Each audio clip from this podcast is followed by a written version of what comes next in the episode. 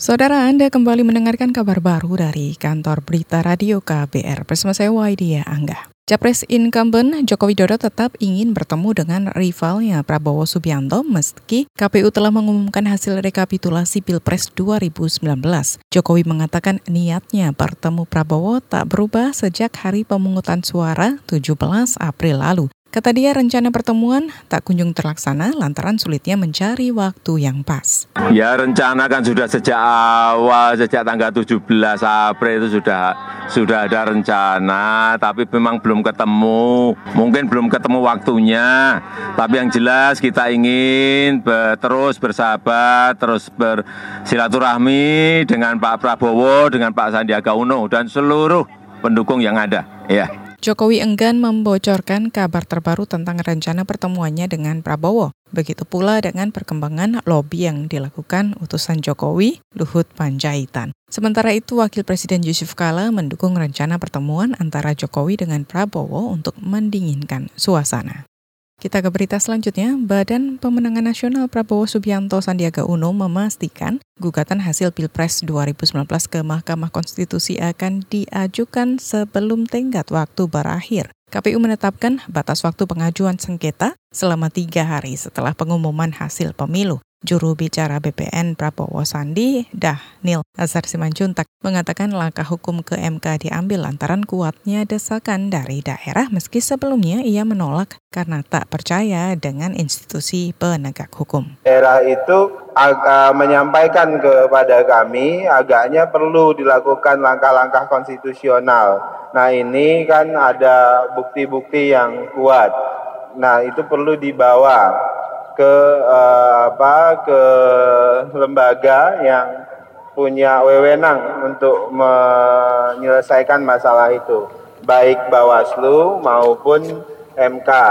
Juru bicara BPN, Daniel Ansar Simanjuntak menyebut sejumlah daerah yang memberikan dukungan antara lain Sumatera Utara, Jawa Tengah, Jawa Timur, Bali, Papua, dan juga NTT. Seperti diketahui Jokowi Ma'ruf menang di daerah-daerah tersebut. Kita beralih ke berita lainnya. Menteri Koordinator Politik Hukum dan Keamanan Wiranto menyebut ex-komandan Jenderal Kopassus Sunarko ditangkap karena diduga menyelundupkan senjata dari Aceh. Namun Wiranto enggan menyebut detail soal perkara ini. Meski begitu tersiar kabar bahwa senjata itu bakal diselundupkan Sunarko untuk aksi 22 Mei besok. Saat ini yang bersangkutan telah menyandang status tersangka kepemilikan senjata ilegal. Itu memang berkaitan dengan ucapan-ucapan beliau juga pada saat ada penjelasan kepada anak buahnya yang terekam dan diviralkan ya.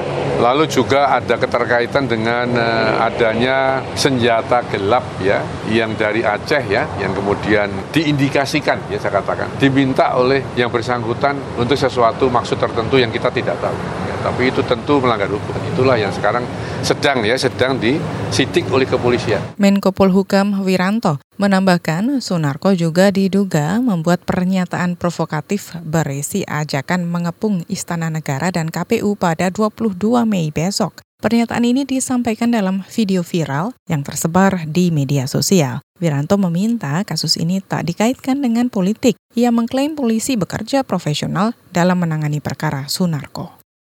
Kita ke berita ekonomi. Pemerintah mematok pertumbuhan ekonomi di kisaran 5,3 hingga 5,6 persen pada RAPBN 2020. Selain itu, inflasi diusulkan sebesar 2 hingga 4 persen. Adapun nilai tukar diusulkan Rp14.000 sampai Rp15.000 per dolar Amerika Serikat. Asumsi makro RAPBN 2020 ini disampaikan Menteri Keuangan Sri Mulyani kepada DPR kemarin. Kata dia, pemerintah mempertimbangkan faktor ketidakpastian global termasuk perang dagang.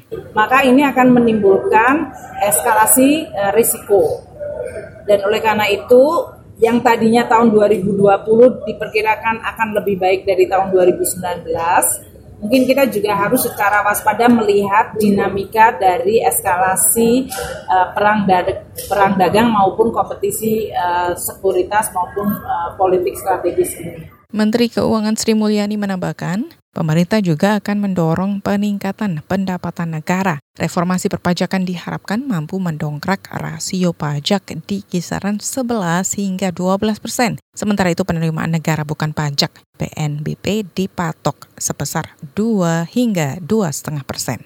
Saudara demikian kabar baru dari KBR saya Waidia Angga.